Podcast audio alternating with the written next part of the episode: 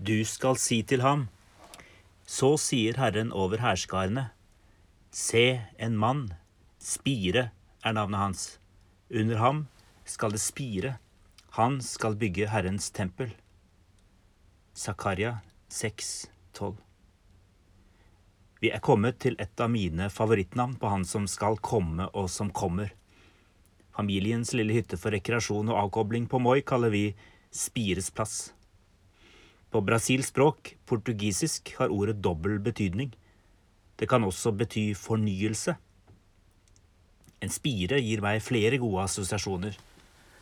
Den er liten og skjør og må hegnes om. Den har framtiden foran seg, som et barn.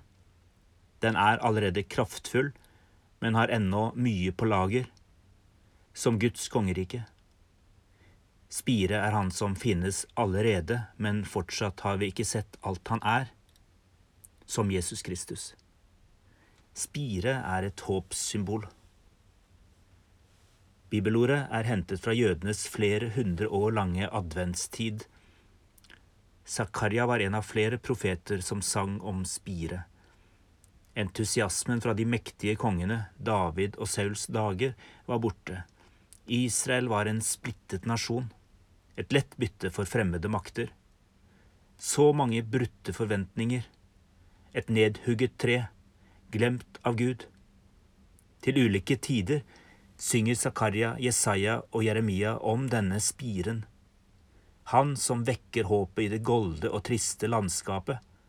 Et menneske som sprenger alle kjente forestillinger. Atter en konge og tempelbygger annerledes enn noen de har sett før. Kan det ha vært Jesus? Barnet som ga kropp og ansikt til Guds rike her i denne verden og i den kommende. Mannen som elsket å bruke bilder fra naturen på det nye livet som bryter fram. Spire er navnet hans.